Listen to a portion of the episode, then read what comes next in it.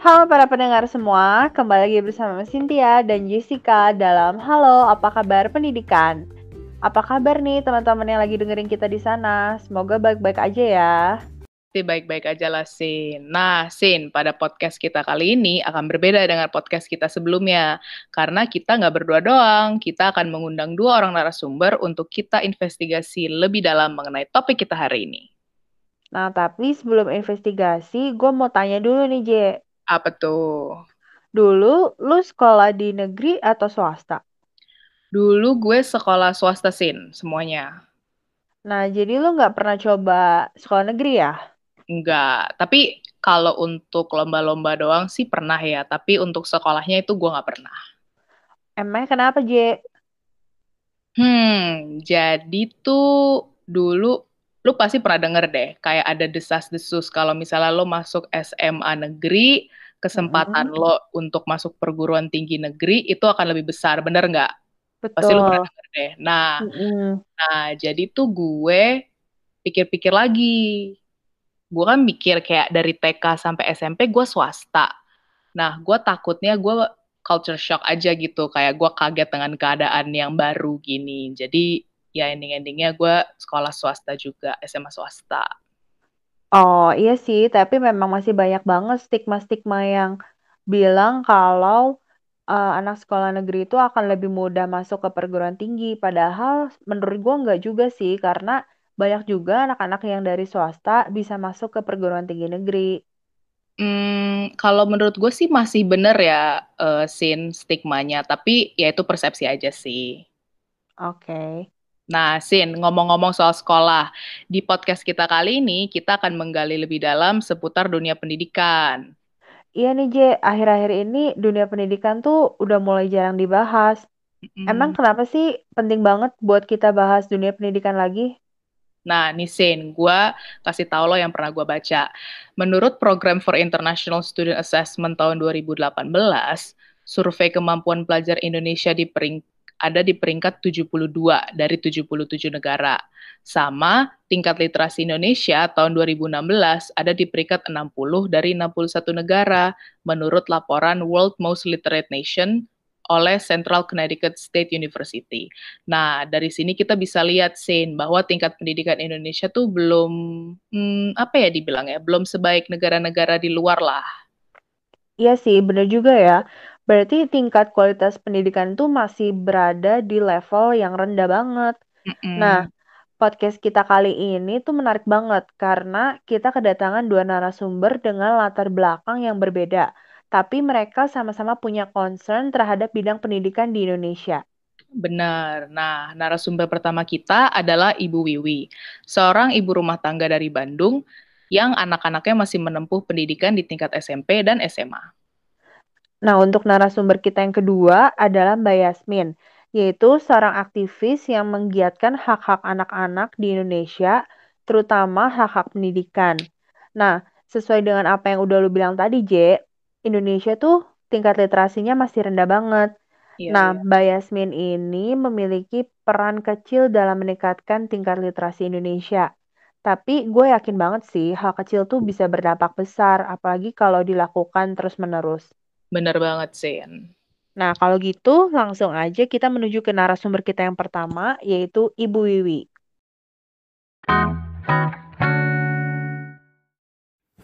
Oke, sekarang saya sedang bersama narasumber pertama kita, yaitu Ibu Wiwi. Halo, Ibu Wiwi, apa kabar? Oh, kabar baik. Halo semuanya para pendengar. Oke, Bu, saya mau bertanya, eh, untuk anak Ibu sekarang, mereka sedang menempuh pendidikan di tingkat apa ya, Bu? Oh ya, anak saya tuh ada dua yang masih bersekolah. Yang satu masih SMP swasta, satu lagi SMA swasta yang berada di Bandung. Oke, untuk sekarang kan kita sedang dalam masa pandemi ya, Bu. Apakah ada kesulitan belajar mengajar di masa pandemi ini? Eh, setahu saya tidak ya, karena anak-anak tetap eh, belajar seperti biasa secara online. Eh, apakah sekolah sudah cukup memberikan fasilitas untuk pengajaran online itu? Eh, iya, setahu saya iya, mereka siap untuk uh, memberikan materi-materi seperti biasa. Berarti tidak ada kendala yang terlalu besar ya Bu ya? Iya, tidak ada. Nah, kalau menurut Ibu sendiri kualitas pendidikan di Indonesia saat ini gimana sih Bu? Menurut saya di Indonesia ini uh, masih jauh tertinggal dibanding pendidikan di luar negeri.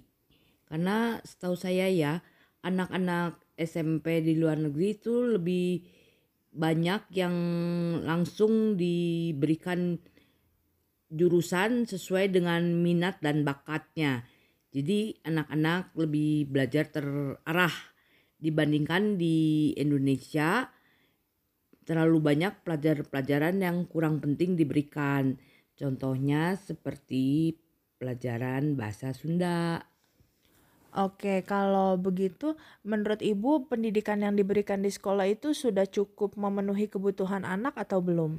Secara umum cukup menurut saya, tapi ya materi yang diberikan eh, terbatas sehingga anak-anak tuh banyak yang harus menambah les-les tambahan di luar jam sekolah.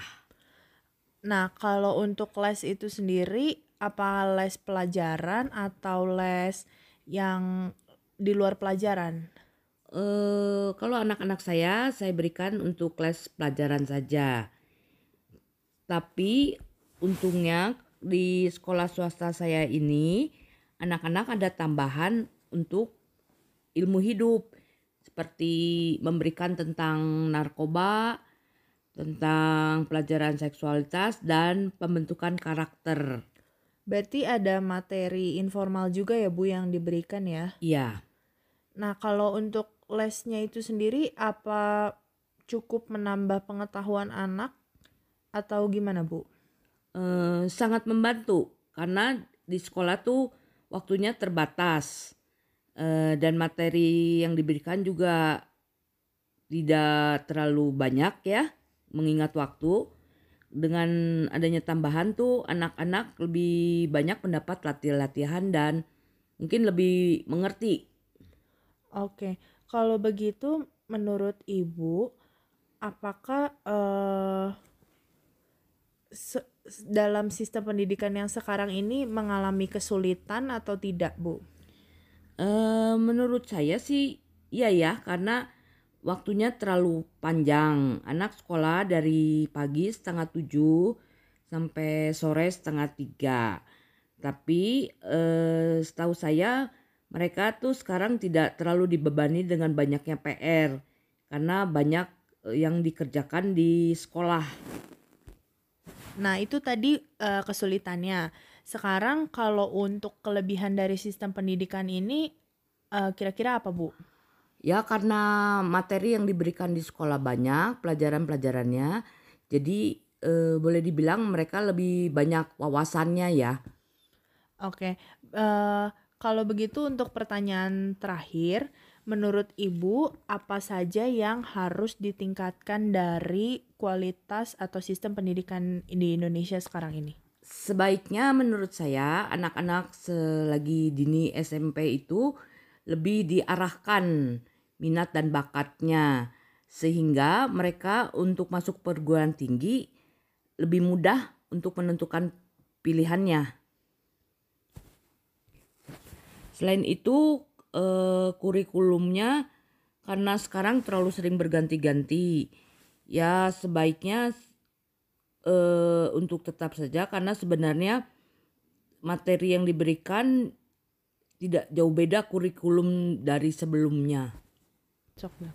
Karena e, menurut saya karena e, sering mengganti kurikulum itu pelajaran-pelajaran jadi kita harus sering mengganti buku-buku karena buku yang lama tidak akan bisa dipakai tidak sesuai dengan kurikulum yang sedang berjalan.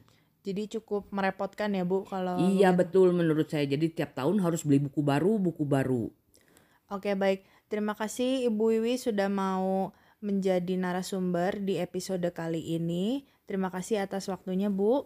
Ya, sama-sama. Terima kasih juga. Oke, sehat selalu. Salam untuk keluarga ya. Terima kasih.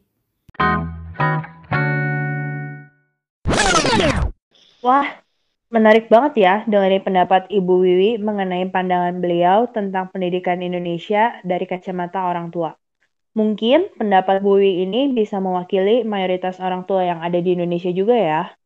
Yang bisa kita ambil dari pendapat Bu Wiwi adalah perlu adanya pembenahan sistem pendidikan di Indonesia agar dapat meningkatkan kualitas pendidikan itu sendiri. Selain itu, sangat penting bagi orang tua maupun tenaga pengajar untuk mengarahkan anak-anak mereka kepada minat dan bakat sejak dini J. Nah, iya sih. Tapi ada satu hal yang menurut gue menarik dari apa yang dikatakan Bu Wiwi.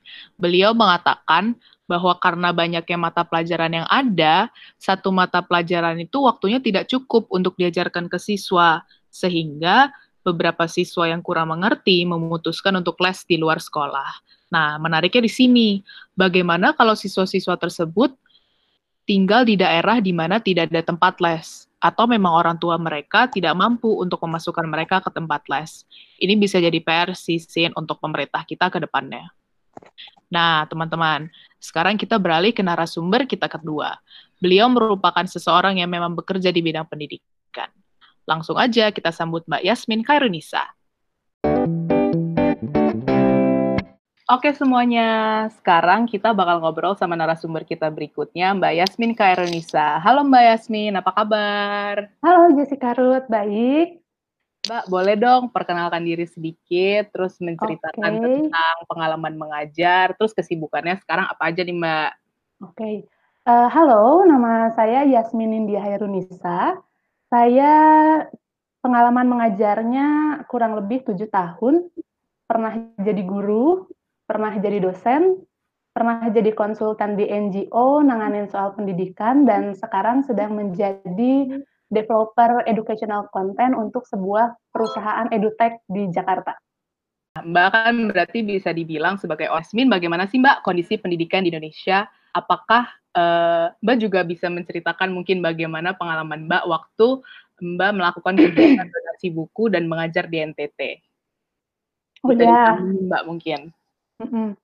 Sebenarnya kalau kita bicara soal pendidikan di Indonesia itu luas banget ya, ada beberapa aspek gitu. Cuman di sini saya coba bagi deh jadi tiga biar gampang. Yang pertama ketika bicara soal pendidikan, kita bicara soal kurikulum, bicara soal guru, dan juga bicara soal sarana prasarana. Nah, kalau misalkan dari segi kurikulum, untuk kurikulum yang dipakai dalam pendidikan Indonesia sekarang kan, eh, apa ya, namanya kurikulum nasional, kurikulum 2013. Nah, secara konten sih, kalau kurikulum yang ini sudah lebih melihat ke berbagai sisi gitu. Kalau misalkan yang dulu-dulu kan kurikulum tuh kayaknya materi oriented gitu ya, kayak apalagi kurikulum tahun 90-an tuh kayaknya siswa tuh banyaknya ngapalin gitu. Tapi sekarang lebih berkembang iya. dalam artian uh, banyak hal yang perlu dilihat dalam pembelajaran. Misalnya ada sisi kognitif, yaitu kayak keterampilan berpikir anak, terus afektif, nilai-nilai, value, dan juga tentang psikomotorik, yaitu kayak keterampilan anak tuh kayak dikasih bikin produk, dikasih bikin proyek, dan segala macem kayak gitu. Itu kalau dari sisi kurikulum yang pertama. Nah, selain tiga aspek tadi diperkuat, model belajar untuk kurikulum sekarang juga sebenarnya uh, lebih berkembang kalau dulu kan kayaknya satu arah gitu ya, guru tuh kayaknya pusat pendidikan, sorry, pusat pembelajaran di kelas gitu, guru terus ngasih tahu. Tapi kalau sekarang siswa bisa berperan aktif, guru fasilitator fasilitatornya aja gitu. Dan pembelajaran tuh sekarang yeah. menyenangkannya dan bagusnya sifatnya kontekstual. Kontekstual itu jadi apa yang dipelajari di kelas itu dicoba dikaitkan ke kehidupan sehari-hari. Jadi permasalahan di yeah. pendidikan tuh kan biasanya apa yang ada di kelas tuh berhenti di kelas dan masyarakat ketika dia balik lagi ke rumah tuh itu adalah suatu hal dimensi yang beda gitu. Jadi tuh kayak sekolah sama rumah tuh gitu beda ya, ya kayak gitu. Nah, dengan contextual learning tuh ada mencoba untuk menghubungkan kesehari-harinya. Kalau dari segi kurikulum sih kayak gitu ya. Apa namanya lebih berkembang yang kalau aku lihat dan itu merupakan hal baik. Cuman jadinya karena ada berbagai hal ini, ini jadi PR juga ke guru. Nah, ini nyambung ke uh, aspek kedua yang dibahas dari pendidikan. PR untuk guru tuh maksudnya guru tuh jadi banyak kerjaan dalam tanda kutip karena lebih banyak aspek yang dilihat. Kalau dulu kan kayaknya udah sih nilai ulangan aja beres gitu. Kalau sekarang nilai ya. proyek-proyeknya ada ada banyak ya, Mbak. ada apa sih namanya kayak aspek-aspek penilaiannya mulai dari persiapan sampai akhir dan lain sebagainya kayak gitu. Cuman kalau kita bicara soal guru ya pendidikan di Indonesia kalau dibilang beragam ya tentu beragam. Belum merata ya belum merata, belum merata banget gitu. Jangankan ngomongin guru kualitas se-Indonesia. Dalam satu kota aja kan bisa kelihatan ya timpang mana sekolah yang emang gurunya tuh oke okay, atau gurunya yang cuma sekedar ngajar terus ada ngasih-ngasih LKS kayak gitu. Pernah nggak sih kayak dulu guru ngajar cuma ngasih LKS doang? Pernah, pernah. kan yang kayak gitu ya. Iya, benar datang terus ya kerjain LKS terus aku belajar apa pak? Kayak gitu bener kayak. bener banget mbak. Aduh. Ya jadi yang sampai sekarang tuh kayak gitu masih ada gitu. So it means that guru beragam sih kalau soal cerita kayak gini gitu. Terus abis gitu nah tantangan yang lain kalau dari guru tuh uh, karena kurik yang tadi kurikulumnya berkembang ya guru juga harus belajar lebih ya harus ikut berkembang juga. Dan kadang guru suka kurikulumnya berubah tapi cara ngajarnya sama ya. Kalau gitu seideal apa pun kurikulum yang sudah dibuat di atas ya hasilnya bakal gitu-gitu juga sih. Jadi itu yang jadi PR atau misalkan jumlah murid yang terlalu banyak dalam satu kelas. Jadi guru juga mungkin kewalahan di sisi situ. Nah cuman Ya, kalau misalkan kita lihat dari sisi guru, nggak semua juga di sini termasuk keterampilan tentang perkembangan zaman ya. Jadi ada guru yang mungkin udah high tech, tapi juga ada guru-guru yang uh, nggak terlalu ngerti soal teknologi gitu. Jadi ketika misalkan sekarang model-model harus belajar dari rumah, nggak semua guru ngeh juga gimana caranya kayak gitu. Itu untuk dari segi guru sih. Dan yang paling penting soal kesejahteraan. Kalau pendidikan di Indonesia bicara soal guru kesejahteraan tuh kayak aduh parah banget. Nggak bukan parah banget dalam artian gimana. Jadi timpangnya kalau guru yang ASN tuh ya itu mah alhamdulillah ya udah dapet tunjangan apa segala macam. Ini kalau misalkan guru honorer kayak misalkan tadi kalau misalkan disambungin sama aku waktu itu 2018 pernah ngajar di NTT di Sumba terus guru-guru yang honorernya tuh digajinya per tiga bulan gitu. Jadi terus mereka kalau belum gajian mau makan apa? Terus Benar. dan setiap bulannya itu digajinya cuma seratus lima puluh ribu. Tuh. buat bayar SPP kamu juga nggak bisa itu. Mau gimana coba? Jadi intinya ya. kayak seratus lima puluh ribu dikali tiga bulan ya empat ratus lima puluh ribu gitu. Itu untuk guru eh, diperbayarnya empat ratus lima puluh ribu per tiga bulan. Itu kayak yang kayak gitu sih itu uh, apa ya namanya sangat mengkhawatirkan bagian sisi itu gitu. bicara soal guru dan terakhir kalau bicara soal pendidikan Indonesia uh, tadi aku bilang sarana prasarana ya. Di sini juga tentu uh, beragam dan timpang kayak misalkan soal gedung, listrik, air gitu. Kan nggak semua sekolah gedungnya apa kondusif untuk belajar. Ada yang nggak ada atapnya. Ada yang kalau hujan bubar dan sekolahku yang ya. waktu itu di Sumba ini, dia tuh nggak ada listrik. Dan di situ aku kayak ngomel banget kayak Indonesia udah 70 tahun lebih merdeka. Listrik belum masuk gitu. Dan masalah listrik tuh bukan sekedar cuma masalah lampu. Tapi di sini ada masalah tentang bagaimana siswa dan guru yang ada di sana jadi nggak bisa akses informasi nggak bisa akses pengetahuan. Dalam artian apa namanya uh, mereka kan butuh untuk belajar hal-hal baru gitu ya, nggak semua harus selalu bergantung betul, sama buku gitu. Dan mereka mau akses informasi gimana listrik aja nggak bisa. Aku waktu itu ngajar, aku pernah cerita nggak ya? Aku waktu itu pernah ngajar uh, anak-anak kelas 6 bahasa Indonesia ceritanya, latihan buat UN. Terus mereka ada pertanyaan, uh, bagaimana langkah-langkah yang benar dalam mengoperasikan blender? Terus mereka nggak tahu blender itu apa. Karena nggak ada listrik, maksudnya nggak ada listrik dan ya apa namanya, jadi mereka nggak tahu blender itu apa. Tapi kupikir nggak ada listrik pun, mereka nggak biasa pakai blender pun, kalau ada akses informasi, mereka bisa tahu yang namanya blender. aku juga nggak tahu, eh, maksudnya aku juga nggak tinggal di Rusia, tapi aku tahu salju kok gitu loh. Jadi itu loh intinya, listrik tuh penting banget untuk apa namanya akses kepada informasi uh, bersama dengan yang namanya apa ya sebutannya kayak sinyal sinyal sinyal telekomunikasi kayak gitu di sana tuh kayak parah sih gitu yang di Sumbas itu kayak kita harus naik dulu ke atas bukit baru dapat sinyal. Kalau di sekolahnya nggak ada kayak gitu. Jadi itu kalau tentang pendidikan jadi kompleks banget dari kurikulum, guru, dan sarana prasarana. Oh iya, berarti sarana prasarana itu penting banget ya Mbak untuk uh, proses pembelajaran ya bisa dibilang ya? Iya, karena itu kan tempat kita belajarnya ya di sekolah hmm. gitu dalam konteks uh, pendidikan formal di sekolah gitu. Kalau misalkan uh, dimensi ruangnya aja itu nggak mendukung ya kita mau belajar kayak mana kayak gitu. Oke oke, Mbak. Nah, Mbak, aku mau uh, sekarang mau sedikit membahas tentang saat Mbak ke NTT. Itu berarti hmm. Mbak uh, mendonasikan buku ya, Mbak?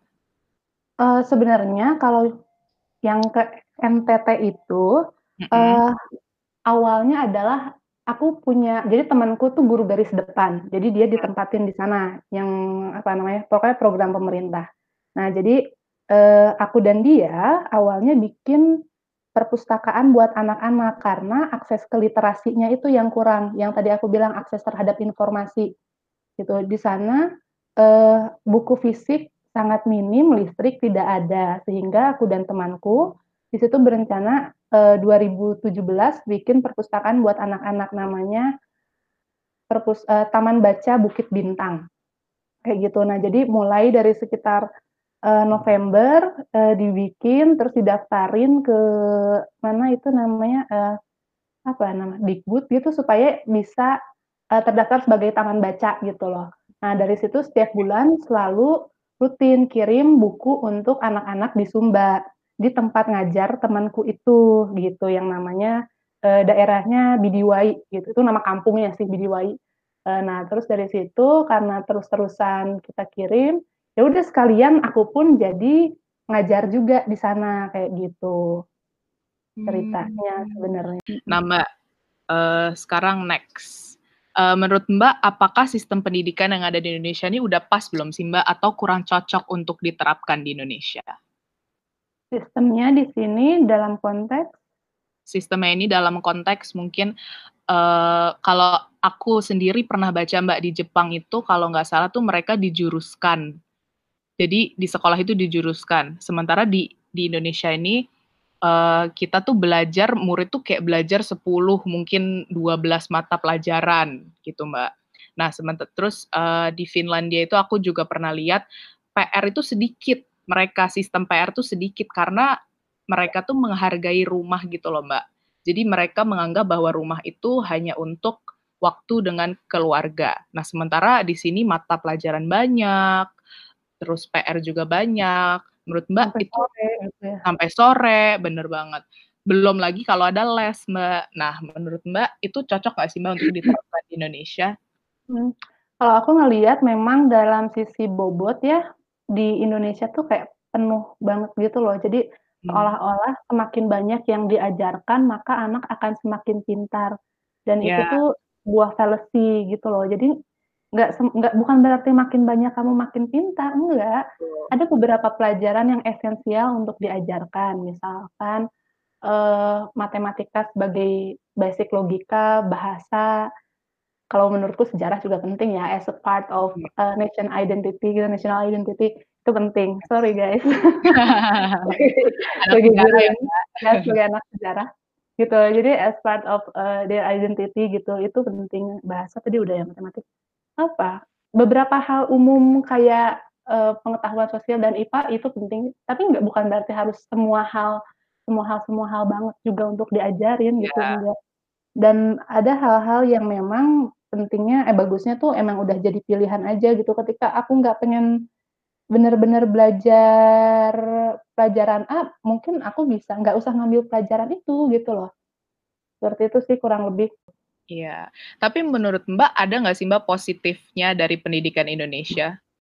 Positif dari pendidikan Indonesia, aku sih ngelihatnya uh, anak bisa lebih dikenalkan dengan berbagai hal. Jadi lebih kepada itunya ya, karena kita banyak jadi banyak tahu, kita jadi tahu banyak, tapi ya itu tadi, uh, apa namanya, eksesnya adalah kita barangkali cuma tahunya di permukaan-permukaan aja, dan itu bukan jadi sebuah hal yang menarik pada akhirnya. Karena cuman, oh oh tahu, oh kayaknya pernah dibahas deh, tapi apa ya, gitu. Lebih ke situ aja sih kayaknya.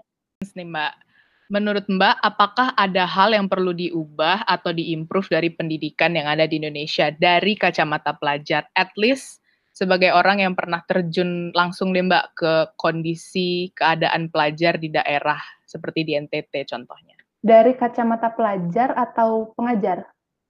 Uh, pengajar. Oh, Mbak. pengajar. -mm. Oke, okay, kalau pengajar ya berarti guru ya di sini.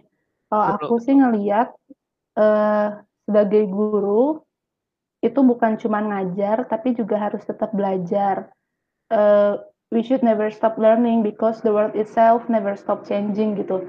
Karena ilmu pendidikan berkembang, dunia berkembang, ilmu pendidikan berkembang. Dulu ada metode anu, model anu, uh, eh dulu nggak, sorry, dulu nggak ada, tapi sekarang jadi ada gitu. Dan kita harus belajar hal-hal seperti itu gitu.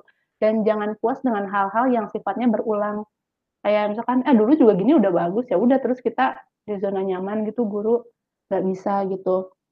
Terus uh, aku sih berpikir, nah itu jadi itu karena itu pentingnya apa ya? Pentingnya jadi yang tadi sebagus-bagusnya kurikulum yang ada di atas ketika kita mempraktikannya itu enggak sesuai mak seenaknya gitu loh. Maka itu akan jadi seenaknya juga hasilnya gitu. So we should we should learn gitu tentang apa pun perubahan yang terjadi. Dan ini termasuk tentang teknologi improvement di mana uh, kalau teknologi apa ya perkembangan teknologi ini karena akan selalu ada gitu loh, akan selalu ada. Jadi kita tuh jangan sampai ketinggalan zaman gitu loh, karena nanti tuh semua akan berkembang. Teknologi.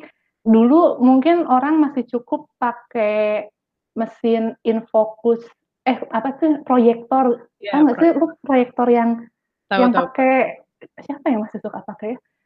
Maksudnya yang ditembakin yang warnanya kuning gitu loh, yang pakai kertas OHP mungkin dulu cukup, tapi sekarang itu nggak bisa, kita harus pakai PowerPoint, PowerPoint-nya gimana sih yang menarik gitu, nggak cuma nampilin kalimat-kalimat doang gitu, gimana yang engaging kayak gitu loh.